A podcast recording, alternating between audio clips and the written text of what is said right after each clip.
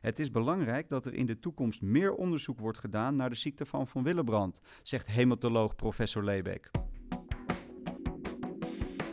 Welkom bij de podcastserie van Daisy Medical Partners, waarin Maarten Lefevre in gesprek gaat met artsen, patiënten en patiëntverenigingen om met elkaar te streven naar een optimale kwaliteit van leven voor patiënten. Vandaag praat ik over de ziekte van Von Willebrand met professor Dr. Leebeek uit het Erasmus Universitair Medisch Centrum en vicevoorzitter van de Nederlandse Vereniging voor Hemofiliepatiënten, Manon Degenaar. De podcast helpt hematologen bij het stellen van de diagnose, het toepassen van innovaties binnen behandeltherapieën, het belang van psychosociale zorg en in de communicatie tussen de periferie en het expertisecentrum. Manon, aan jou de eerste vraag. Er zijn veel symptomen die kunnen duiden op Van Willebrand. Wat hoor jij terug van patiënten over symptomen die ook door hematologen niet worden herkend of erkend? Uh, goeie vraag. Nou, herkent um, eigenlijk over het algemeen niet, want hematologen zijn natuurlijk specialisten op dit gebied, dus zij herkennen die symptomen echt wel. Um, het erkennen is soms wel nog een probleem um, en dat zit hem vooral in de gewrichtsbloedingen die over het algemeen ja, niet heel veel voorkomen bij Van Willebrand patiënten, maar toch wel een stuk vaker dan voorheen gedacht werd. Dat is ook uit onderzoek gebleken. Ik, ik, denk dat dat wel het belangrijkste uh, symptoom is wat, wat, wat eerder gemist zal worden bij een Van Willebrand patiënt. En professor Leebeek, uh, hoe ziet u dit? Ja, ik denk dat op zich bloedingsproblemen wel herkend worden, uh, maar dat het vaak niet uh, gezien wordt als een, ehm, als een duidelijk symptoom direct van een bloedingsziekte. Dus als vrouwen zich presenteren met overmatig bloedverlies, dan wordt dat wel als afwijkend gezien en wordt er ook wel een uh, actie op ondernomen, maar wordt niet in eerste instantie gedacht aan een bloedingsziekte, zoals de ziekte van Van Willebrand. En zeker een combinatie van bloedingssymptomen, zoals en eh, neusbloedingen en tandvleesbloedingen en eh, overvloedige menstruatie, dat moet een arts doen denken aan een stollingstoornis. En dat gebeurt toch nog te weinig. Daar moeten we denk ik dan uh, goed op letten, vooral in de, uh, in de tweede lijn. En professor Leebeek, bepaalde van Willebrand-patiënten worden in de periferie behandeld.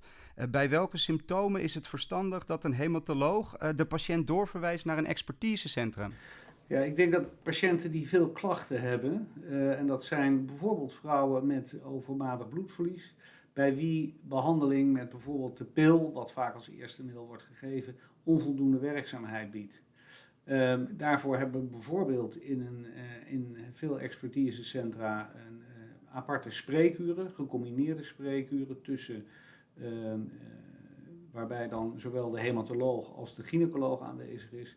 Ja, dat zijn dingen die we in een expertisecentrum wel hebben en waarbij beter en sneller voor een patiënt een oplossing kan worden gezocht. andere problemen zijn als er stollingsfactoren nodig zijn voor de behandeling eh, met eh, bloedingen zoals gewrichtsbloedingen, spierbloedingen, waarvoor behandeling met stollingsfactoren nodig is, ja, dan moet je echt naar een expertisecentrum toe. En dat is ook afgesproken in de beleidsvisie hemofilie en aanverwante stollingstoornis een aantal jaar geleden. Dus daar, daar komen patiënten voor naar een expertisecentrum. Na het herkennen van symptomen is het van belang dat er een snelle en adequate diagnose wordt gesteld. Uh, professor Leebeek, uh, hoe komt de diagnose van Willebrand tot stand? Een, een, belangrijk in de diagnose is uiteraard eerst een hele goede anamnese. Dus een goede ver, verslaglegging van wat voor bloedingssymptomen komen bij zo'n patiënt voor. En is de familieanamnese positief? Hè? Zijn er in de familie mensen die ook bloedingsproblemen hebben? Dat zijn belangrijke zaken waar je op moet letten. We doen dat tegenwoordig met een gestandaardiseerde bloedingsscore. Uh, dat doen we eigenlijk bij elke patiënt die zich presenteert of die wordt verwezen met een stollingstoornis. En met behulp van zo'n bloedingsscore kun je goed objectiveren of er echt een bloedingsprobleem is. Sommige patiënten denken dat ze veel uh, bloedingsproblemen hebben, denken dat hun blauwe plekken afwijkend zijn, maar als je het goed objectiveert aan de hand van die bloedingsscore, dan komen sommige patiënten op een lage score uit en hoef je niet verder onderzoek te doen naar uh, de diagnostiek van de ziekte van Willebrand. Uh, aan de andere kant zijn er ook mensen bij wie uh, wij denken, jeetje, wat een forse bloedingsproblemen. En die zelf dat eigenlijk een beetje onderschatten. Omdat ze denken dat het normaal is. dus dat maakt dat je een objectieve anamnese nodig hebt met zo'n bloedingsscore. Is die bloedingsscore hoog, hè, laat dat zien dat iemand toch een fors bloedingsneiging heeft, dan gaan we laboratoriumonderzoek doen. En dat laboratoriumonderzoek bestaat uit een aantal ja, screeningstests, uh, eenvoudige testen om te kijken of er een stollingstoornis uh, eenvoudig op te sporen is. En daarbij hoort ook een analyse van stollingsfactoren zoals van Willebrand-factor. En als die verlaagd zijn, of als die op een niveau zijn waarvan we denken, ja, dat zou best bij een van Willebrand ziekte kunnen passen, dan doen we nog aanvullende testen bij zo'n patiënt. En ziet het diagnosetraject er bij een expertisecentrum anders uit uh, dan in de periferie? Ja, zeker. Want uh, in zo'n expertisecentrum zijn specifieke hemostase-laboratoria, die dus veel meer uh, en specialere te testen kunnen doen dan in een algemeen ziekenhuis gebeurt. Zo kunnen wij het multimeerpatroon bekijken, we kunnen trombocyteaggregatietesten doen die eigenlijk elders niet gedaan worden. Um, en dat is van belang om een goede typering te doen van wat voor soort van Willebrand ziekte er is.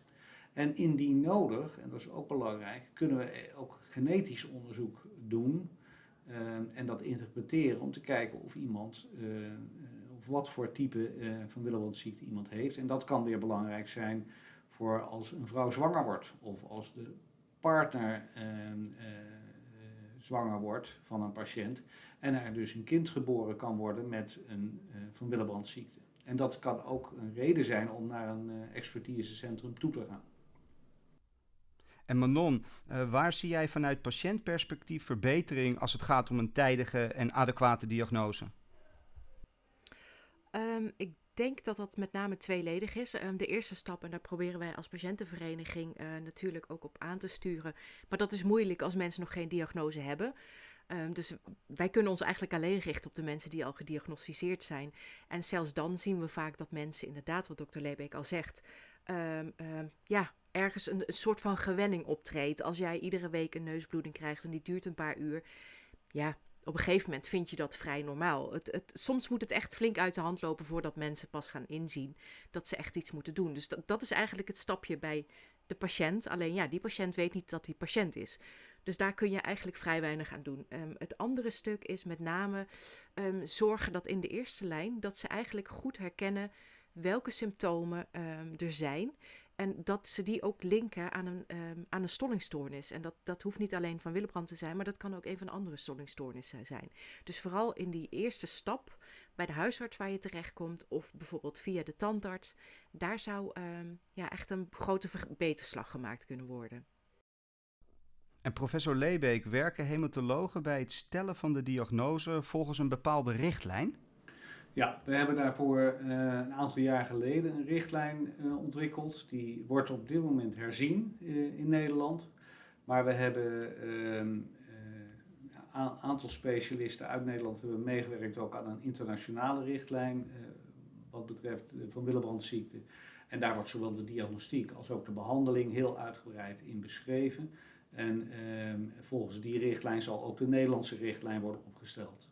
En dat is belangrijk, omdat als je die richtlijn niet goed volgt, je bepaalde subtypering van, van Willebrandziekte niet goed kan doen. En dat kan dan weer consequenties hebben voor de behandeling. Dus een goede uh, diagnostiek is van groot belang en daar werken we dus volgens internationale richtlijnen.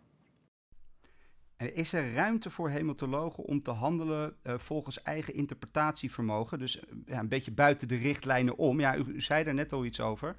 Uiteraard. Ik denk belangrijk uh, te weten voor hematologen. Ja, nee hoor, dat kan natuurlijk altijd. een richtlijn is niet voor niks een richtlijn. Het is geen kookboek. Het is, een, het is een handvat voor artsen om te werken conform die richtlijn. Maar soms moet je daarvan afwijken. Uh, maar het is omdat het toch een relatief zeldzame ziekte is, uh, moet je je realiseren dat niet iedereen evenveel kennis heeft. En dan is het heel fijn om richtlijnen te hebben voor alle hematologen, ook voor eh, expert-hematologen, zodat iedereen hetzelfde beleid voert en ook dezelfde behandeling, de patiënt dezelfde behandeling krijgt onafhankelijk van welk centrum zij zich presenteren of behandeld worden. En Manon, hoe kijkt de patiëntvereniging aan tegen de huidige richtlijnen? Um, nou, als, als patiëntenvereniging zijn wij uiteraard heel blij met richtlijnen, omdat het gewoon echt een duidelijk uh, um, aangeeft wat voor behandeling er mogelijk zijn en um, uh, waar een patiënt, om het maar even gechargeerd te zeggen, recht op heeft. En ik denk dat het heel goed is, juist om, um, om die interpretatiemogelijkheid. Die moet er altijd zijn, maar die moet wel zo klein mogelijk uh, zijn. In de zin dat een patiënt ervan op aan kan dat als hij bij een behandelcentrum komt, dat hij, uh, hij of zij ook dan de juiste um, behandeling krijgt. Dus um, ja, we zijn er eigenlijk heel blij mee dat de artsen, zowel internationaal als nationaal, daar ja, veel tijd en aandacht aan besteden. Um, en ook dat die richtlijnen eigenlijk wel gewoon evidence-based uh, werken. Zodat je ook tenminste zeker weet dat um, ja, de behandeling die je toepast, dat daar ook echt um, goede reden toe is. Met name omdat de behandeling natuurlijk uh, niet goedkoop is. als patiënt zou je daar niet altijd mee bezig moeten uh, zijn, of eigenlijk niet. Maar ja, bij dit soort dure medicatie en deze dure zorg is het natuurlijk wel belangrijk om te zien dat je ook zorg toepast die echt ja, heeft laten eh, of heeft bewezen dat hij um, ja, werkzaam is. Dat, dat willen we natuurlijk allemaal heel graag, hè, de evidence-based medicine. Maar het bijzondere van zo'n schrijven van zo'n richtlijn, eh, zeker zo'n Amerikaanse richtlijn, daar worden enorme uh, grote studies voor gedaan. Daar wordt gekeken in alle publicaties die verschenen zijn in de afgelopen 10, 20 jaar. En dan valt het eerste wat opvalt, en ik ben betrokken bij veel richtlijnen, maar bij de Van Willebrand-richtlijn valt dus op hoe weinig evidence-based er gewerkt wordt, omdat er gewoon weinig onderzoek is gedaan naar deze ziekte. En dat geeft dan ook wel weer aan hoe belangrijk het is dat we wetenschappelijk onderzoek op dit gebied doen en gaan doen in de toekomst. Ja, absoluut. En um, de laatste vraag met betrekking tot het diagnosetraject uh, uh, voor professor Leebeek is welke verschillen tussen mannen en vrouwen uh, is er te zien in het diagnosetraject? Ja, dat, is, dat vind ik een hele belangrijke vraag, omdat we afgelopen jaar hebben we daar ook onderzoek naar gedaan of er nou eigenlijk verschil is in mannen en vrouwen met betrekking tot die diagnose. En als je dan ziet uh, in een uh, groot cohort van ongeveer duizend patiënten die we onderzocht hebben in Nederland. Die dus uiteindelijk met een bloedingsstoornis zijn gediagnosticeerd. Daar zien we dat de gemiddelde tijdstip van een eerste bloeding is ongeveer rond het tiende levensjaar, negende, tiende levensjaar. En de tijdstip van diagnose is heel veel langer. Dus veel, heel veel later. Dus daar kan soms zes jaar tussen zitten. En uh, tussen, tussen de eerste bloeding en de diagnose. En dat komt omdat zo'n eerste bloeding niet altijd als afwijkend wordt beschouwd, wat we al eerder zeiden. Maar het meest opvallende hier was dat uh, het verschil tussen mannen en vrouwen, waarbij de diagnose bij jongens, uh, mannen vier jaar of zes jaar eerder werd gesteld, gemiddeld, dan bij vrouwen. Dus vrouwen daar wordt gewoon minder snel gedacht aan een stollingstoornis.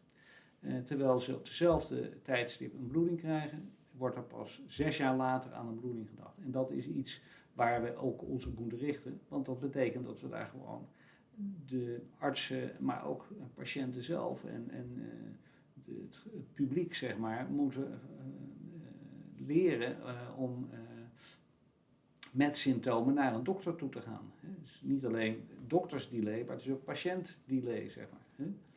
Dat is een belangrijke bevinding.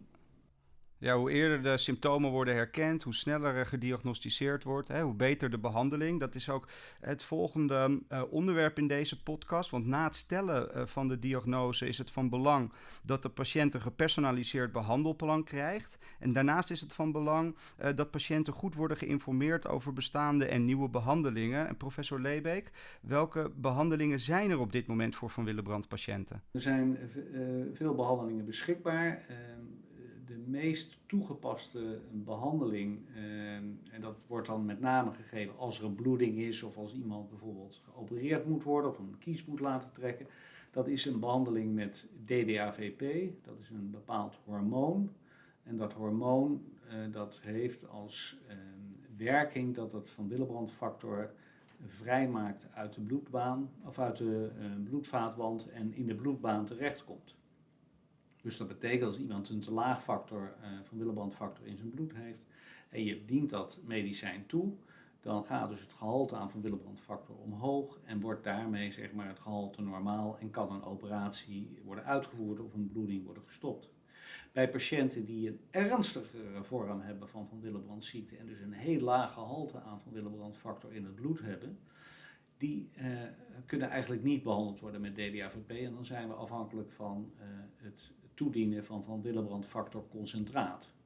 En dat kan zowel gewonnen worden uit bloedplasma van gezonde bloeddonoren, uh, dat noemen we plasma van Willebrand-factor, en recombinant van Willebrand-factor. En dat is sinds een aantal jaren op de markt en dat kan ook worden toegepast en dat wordt middels recombinant DNA-technieken gemaakt in het laboratorium. Dat wordt dus niet uit bloed gewonnen, maar dat is een behandeling die pas nou, een aantal jaren geleden beschikbaar is gekomen.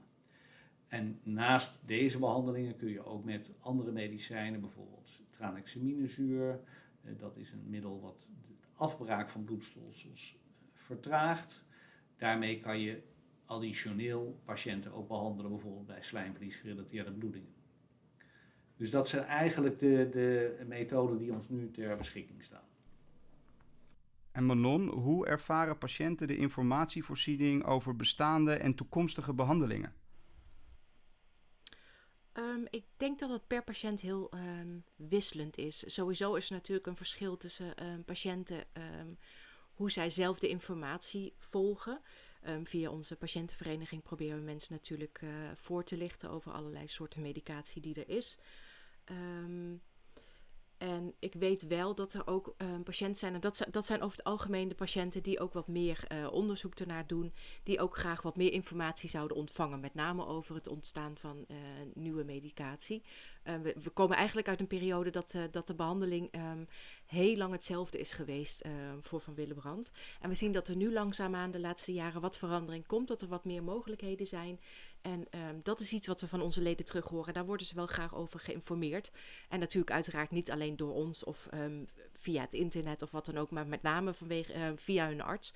Ja, daar is een vertrouwensband mee. En daar, um, ja, daar wil, dat is toch de expert, dus daar wil je graag uh, de informatie van krijgen, zodat je samen eigenlijk kan kiezen wat dan de beste optie uh, voor jou is. Als patiënt. En professor Leebeek, op welke manier zou de informatievoorziening vanuit de hematoloog naar de patiënt er volgens u idealiter uitzien?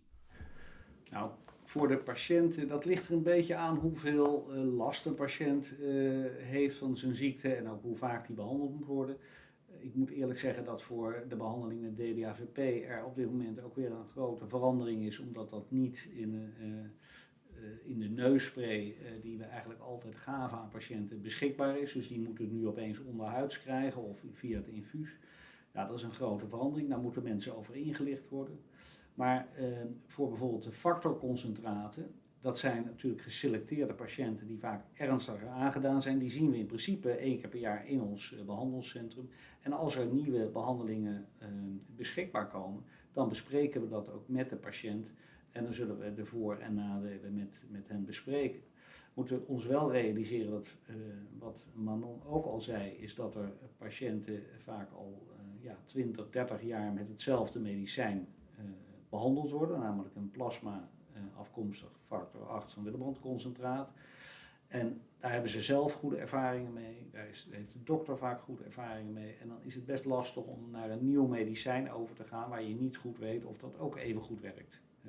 Dus dat, daar moeten we ervaring mee opdoen, zelf als behandelcentra, maar ook de patiënt. Dus daar, daar wordt zeker aan gewerkt en, en ik denk dat dat eh, naast het doen van onderzoek is, is dan ook een goede voorlichting aan een patiënt van groot belang. En wanneer zou uh, een Van Willebrand patiënt volgens u profilactisch uh, behandeld mogen worden? Profilactisch, dat betekent eigenlijk dat iemand zoveel bloedingen heeft, bijvoorbeeld nou ja, een aantal keren per maand een hele forse bloeding. Dan denk je bijvoorbeeld aan een gewrichtsbloeding of een maagdarmbloeding. Waardoor ja, de kwaliteit van leven en ook ja, soms zelfs het, het leven van zo'n patiënt in gevaar is. Ja, dat zijn momenten waarbij je niet alleen behandelt op het moment dat zo'n bloeding optreedt, maar ter preventie van bloedingen, en dat noemen we profylaxe, ter preventie van bloedingen iemand bijvoorbeeld twee keer in de week of drie keer in de week dat medicijn toedient. Dat is best heel intensief. Ehm, en en ja, dat wil niet iedere patiënt, maar dat zijn de patiënten dus met ernstige bloedingen. Het kan ook zijn dat bijvoorbeeld vrouwen die dusdanig veel bloedverlies hebben bij hun menstruatie, ondanks alle maatregelen die we al nemen, uh, dan uh, zoveel bloedverlies hebben dat ze daar bijvoorbeeld steeds een bloedarmoede van krijgen of gewoon sociaal heel erg beperkt zijn. Ja, die vrouwen kan je dan bijvoorbeeld rondom de uh, menstruatie ook profilactisch behandelen. Dus dat zijn opties die er zijn.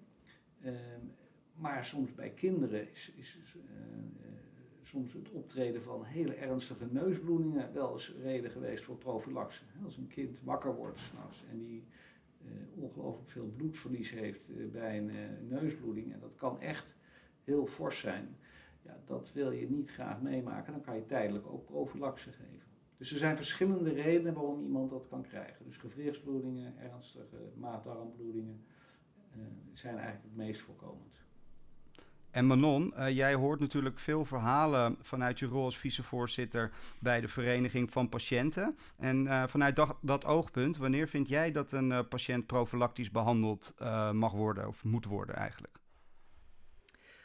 Um, nou, ik denk met name, zoals dokter Lebeck al aangaf, wanneer eigenlijk de kwaliteit van leven echt in, in het geding is. Um, als het inderdaad zo is dat mensen um, eigenlijk uh, wat, wat we gewoon bij vrouwen ook wel bijvoorbeeld zien rondom de menstruatie, door hevig menstrueel bloedverlies, dat zij eigenlijk ieder half uur naar het toilet zouden moeten gaan. Ja, dat, dat heeft zo'n impact op het leven. Um, dan is het heel goed gerechtvaardigd om te zeggen van nou, we gaan die vrouwen op, uh, uh, op een behandeling zetten. Uh, maar dat kan uiteraard uh, ook bij andere bloedingen zijn. Als je steeds terugkerende neusbloedingen hebt, of uh, bloedingen in je keel, of nou ja, grote spierbloedingen, gewrichtsbloedingen, ja, dan zijn dat absoluut redenen om te zorgen dat, um, dat die behandeling gestart wordt. Niet alleen om um, schade te voorkomen, maar ook om die mensen echt kwaliteit van leven terug te geven, zodat zij ja, het leven gewoon weer uh, kunnen leiden zoals uh, bijna ieder ander dat ook kan. Ja, en ik uh, denk een mooie brug naar het volgende onderwerp. Um, want Van Willebrand kan in bepaalde gevallen een enorme impact hebben. Uh, Manon, zou jij eens twee voorbeelden kunnen geven wat jij terughoort van de patiëntengroep, waaruit de psychosociale impact van Van Willebrand duidelijk wordt? Um, ja, ik heb, ik heb uh, vrij recent. Um, um, ja, dat is misschien jammer dat het net twee, uh, twee jonge dames zijn. Uh, het was leuk geweest, of leuk, eigenlijk helemaal niet leuk. Maar het was goed geweest als ik ook een verhaal van een jonge man had kunnen vertellen. Maar um, over het algemeen worden die ja, een beetje vergeten, die mannen binnen de Van Willebrand wereld. dus dat, ja, daar heb ik nu geen voorbeeld van. Maar twee jonge dames een van de dames die heeft eigenlijk, uh, die, die, werd op de tiende al ongesteld. En um, ook op zo'n manier dat dat eigenlijk um, ja, zo ingrijpend was dat het voor het meisje um, ook echt wel een impact heeft op hoe, uh, hoe, hoe, zij zich voelt, de ontwikkeling, vertrouwen op je lichaam, al dat soort zaken. en uh, zij is onlangs gestart met het leren prikken en zij zal zichzelf ook rondom de menstruatie profilactisch gaan behandelen. en ja, we hebben gezien uh, ja, hoe belangrijk het voor het meisje is. Tuurlijk, dat prikken is heel belastend, maar het geeft haar wel um, uh, een zekere mate van, um, van veiligheid. Dat zij weet dat zij zelf um, ja, in de lead is om haar ziekte te behandelen, of eigenlijk de symptomen te behandelen. En dat zij daardoor ja, weer, weer gewoon mee kan doen met het gimmen op school. Zij kan weer naar de sportclubjes. Uh, nou ja, dat is natuurlijk een heel mooi, uh, mooi voorbeeld zoals we het uh, zouden, zouden willen zien allemaal. Um, ik ken ook een voorbeeld van een jonge dame die eigenlijk um, veel neusbloedingen had. die neusbloedingen die zijn verholpen door um, eigenlijk de neus zeg maar dicht te branden.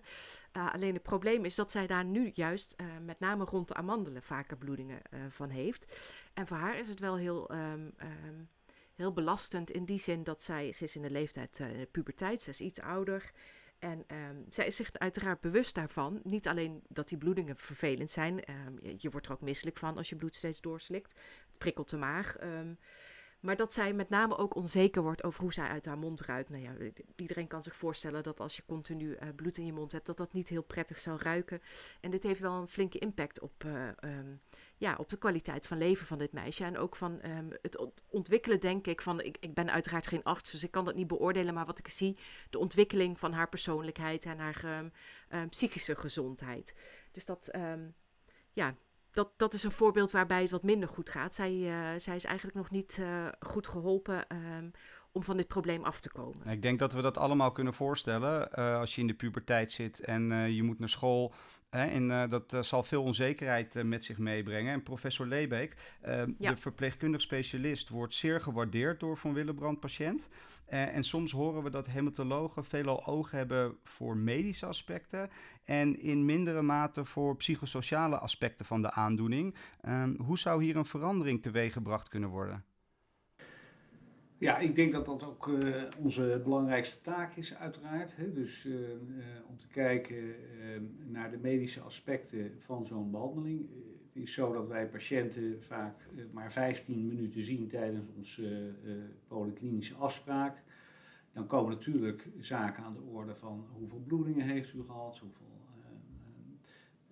wat voor behandelingen heeft u nodig gehad de afgelopen periode. zijn er andere waarvoor u medicijnen gebruikt, dat zijn allemaal medische vragen.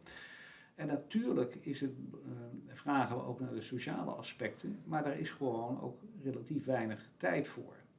En wat uh, wij als dokters belangrijk vinden, en wij denken dat de patiënt dat ook belangrijk vindt, is uh, hoeveel bloedingen die heeft en wat voor medicijnen die gebruikt. Daarom stellen we die vragen uiteraard. Maar voor patiënten zijn er ook heel veel andere uh, factoren belangrijk. En ja, dat zijn we ook bijvoorbeeld in het Erasmus MC de afgelopen half jaar gestart met wat wij noemen de waardegedreven zorg. Waarbij echt meer aandacht is voor de factoren die van de patiënt, voor de patiënt het meest belangrijke zijn. En hoe we dat doen is dat we van tevoren een vragenlijst toesturen aan de patiënt. Via e-mail krijgen ze dat te zien. Ze kunnen dan in hun eigen dossier thuis uh, uh, hun dossier openen. En daar worden vragen gesteld over hun algemene gezondheid, over hun sociale leven, uh, over pijnbeleving. en dat is nog een beperkte vragenlijst die heel, laat ik zeggen, generiek is. Dus niet heel erg toegespitst is alleen op Willebrandsziekte. Maar we zijn nu ook in het kader van onderzoek vragenlijsten ontwikkelen die heel sterk gericht zijn op patiënten met bloedingsstoornissen. Uh, en dan uh, kunnen we nog beter de patiënt uh, behandelen, omdat we ook weten waar voor de patiënt de belangrijkste vragen liggen en wat zijn wensen zijn waar we aan kunnen aansluiten. Dus die waardegedreven zorg krijgt een plek wordt nu met name ingevuld ook door de verpleegkundige specialisten, omdat die net wat meer tijd hebben ook om, hun, om de patiënt te zien. Maar het hoort eigenlijk natuurlijk ook bij de dokter thuis. Hè. Dus uh, ik denk dat het een kwestie van tijd is dat wij naast het aantal bloedingen ook die sociale aspecten nog sterker uh, benadrukken tijdens onze consulten. Ja, en Manon, um, vanuit de patiëntvereniging, waar zie jij in de relatie patiënt-hematoloog ruimte voor verbetering? Nou, ik, ik denk dat um, uh, dokter Leebeek het al heel mooi aanstipte. Uh, uh, ik, um, ik word zelf als uh, vertegenwoordiger van een patiëntenvereniging word ik wel heel blij van zo'n lijst. Wat we met name zien is dat patiënten over het algemeen ja, net zeg maar de zaken die wel een impact hebben op jou, maar die je niet zo makkelijk durft uh, te bespreken. Ik noem een bijvoorbeeld als contactbloedingen na het hebben van gemeenschap. Ja, daar begin je over het algemeen toch zelf niet echt zo snel over. Terwijl dat een probleem is, wat natuurlijk toch geregeld uh, per week of per maand terug gaat komen. Uh, ik denk dat als zo'n vragenlijst, als je die invult van achter je computer, um, dat is allemaal wat makkelijker. En je weet dat er dan een aanleiding is dat jouw arts um, jou gaat vragen naar die problemen. Um, dus ik denk dat dat zeker een onderdeel is um, wat heel erg zal gaan bijdragen in um, de verbetering van ja, de problemen die de patiënt echt ervaart. We, we, zien dat bij de verpleegkundigen inderdaad, omdat daar over het algemeen wat meer tijd is, dat wat sneller gebeurt. Maar ook daar zien we nog steeds dat dit soort vragen dat die eigenlijk vanuit de patiënt niet gesteld worden.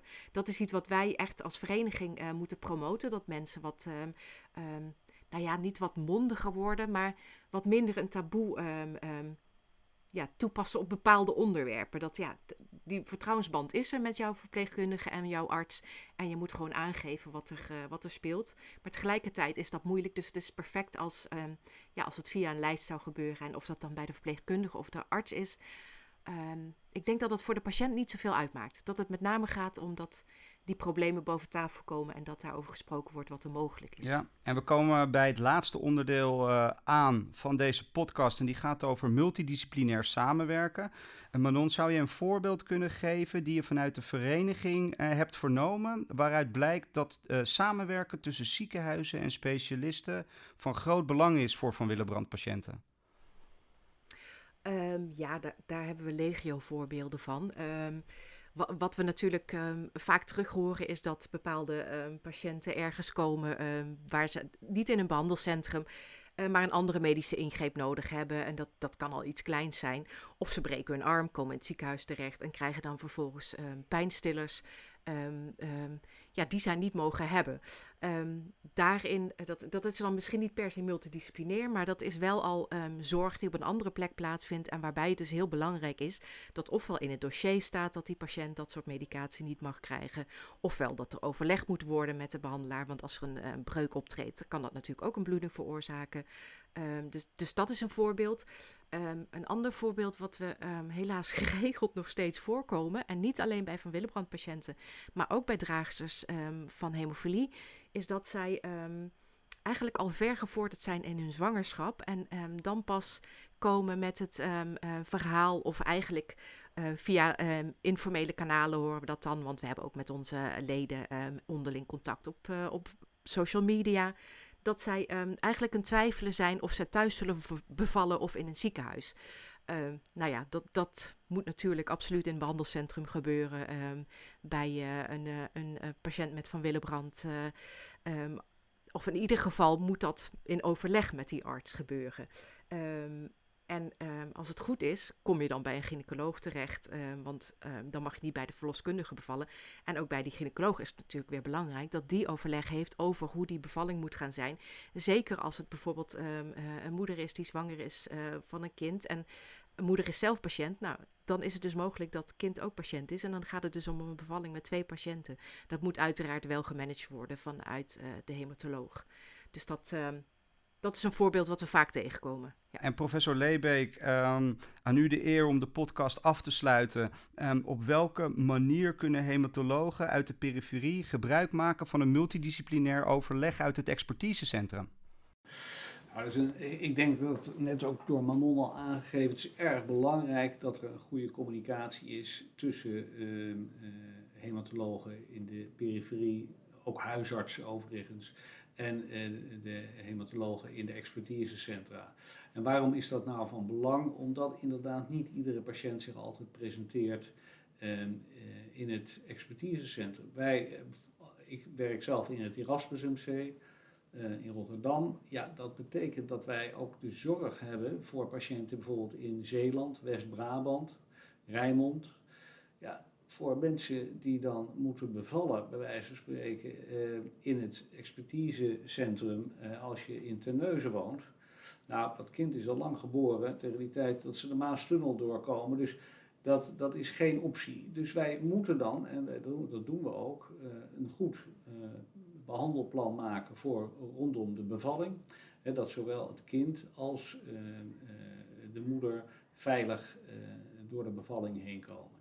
En is het een hele ernstige vorm van verwillebrandziekte, ja, dan moeten we met de gynaecoloog in overleg van zowel het ziekenhuis elders als onze gynaecoloog, dat zo'n patiënt dan toch bij ons wordt opgenomen, ingeleid en de bevalling bij ons gebeurt. Nou, dat zijn voorbeelden waar van heel groot belang is dat er overleg is met het expertisecentrum. En wij hebben op allerlei manieren maken wij de patiënt in, in zoverre makkelijk dat wij geven ze een SOS-kaartje mee als er iets is met ze, dat ze dat kunnen laten zien. We hebben een behandelplan opgesteld waarin staat welke uh, ziekte ze hebben, wat voor behandeling ze nodig hebben en onze telefoonnummers als er iets is. Ja, dat kunnen ze altijd bij zich dragen en laten zien Ze kunnen dat ook zelf inzien via Mijn Erasmus MC bijvoorbeeld. En dat kan in heel veel ziekenhuizen. Dus zo zijn er allerlei mogelijkheden waarop patiënten toegang hebben tot hun eigen dossier. En dat gaande in een studie die we nu aan het doen zijn. eigenlijk in een heel consortium van ziekenhuizen die samenwerken in het Symfonie-project. Gericht op de behandeling van bloedingsstoornissen, waaronder de ziekte van Willebrand, gaan we bijvoorbeeld ook zo een, een, een patiëntomgeving maken, een eigen omgeving voor de patiënt waarin al zijn gegevens zichtbaar zijn en dat kunnen ze ook delen met hun behandelaar. En dat maakt het heel veel beter, in, dat zal toekomst zijn, maar veel beter om informatie van de ene specialist over te brengen naar de andere specialist. En daar is de patiënt de eigenaar van. En daar kan dus alle informatie ingezet worden. We zijn nou eenmaal nog niet in Nederland zover dat een dokter uit het ziekenhuis in Goes kan inzien wat er in het Erasmus MC in de computer is ingevuld. Dat is, er is geen landelijk patiëntendossier, dus we zullen tot die tijd het anders op moeten lossen. En uh, wat belangrijk is, uh, is dat de patiënt zelf ook een hele belangrijke rol daarin heeft, dat hij zijn eh, informatie bij zich heeft. Ehm, wat wij zelf nog doen in ons ziekenhuis is dat als er een vraag is over een patiënt, dat we natuurlijk laagdrempelig bereikbaar zijn, 24 uur per dag.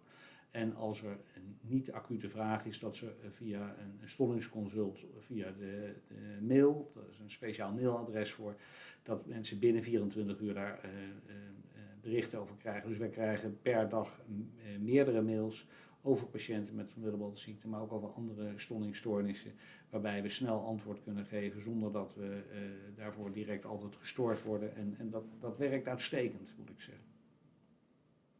Ik denk een hele mooie afsluiter uh, van deze podcast. Uh, dus ja, is er behoefte aan overleg, bel en mail met het expertisecentrum. Ik wil jullie allebei ontzettend bedanken voor dit leuke gesprek. En ehm, nou, tot gauw. Deze podcast is financieel mogelijk gemaakt door Takeda. De hierin besproken meningen en ervaringen zijn afkomstig van de geïnterviewde persoon. Takeda heeft geen invloed op de inhoud gehad.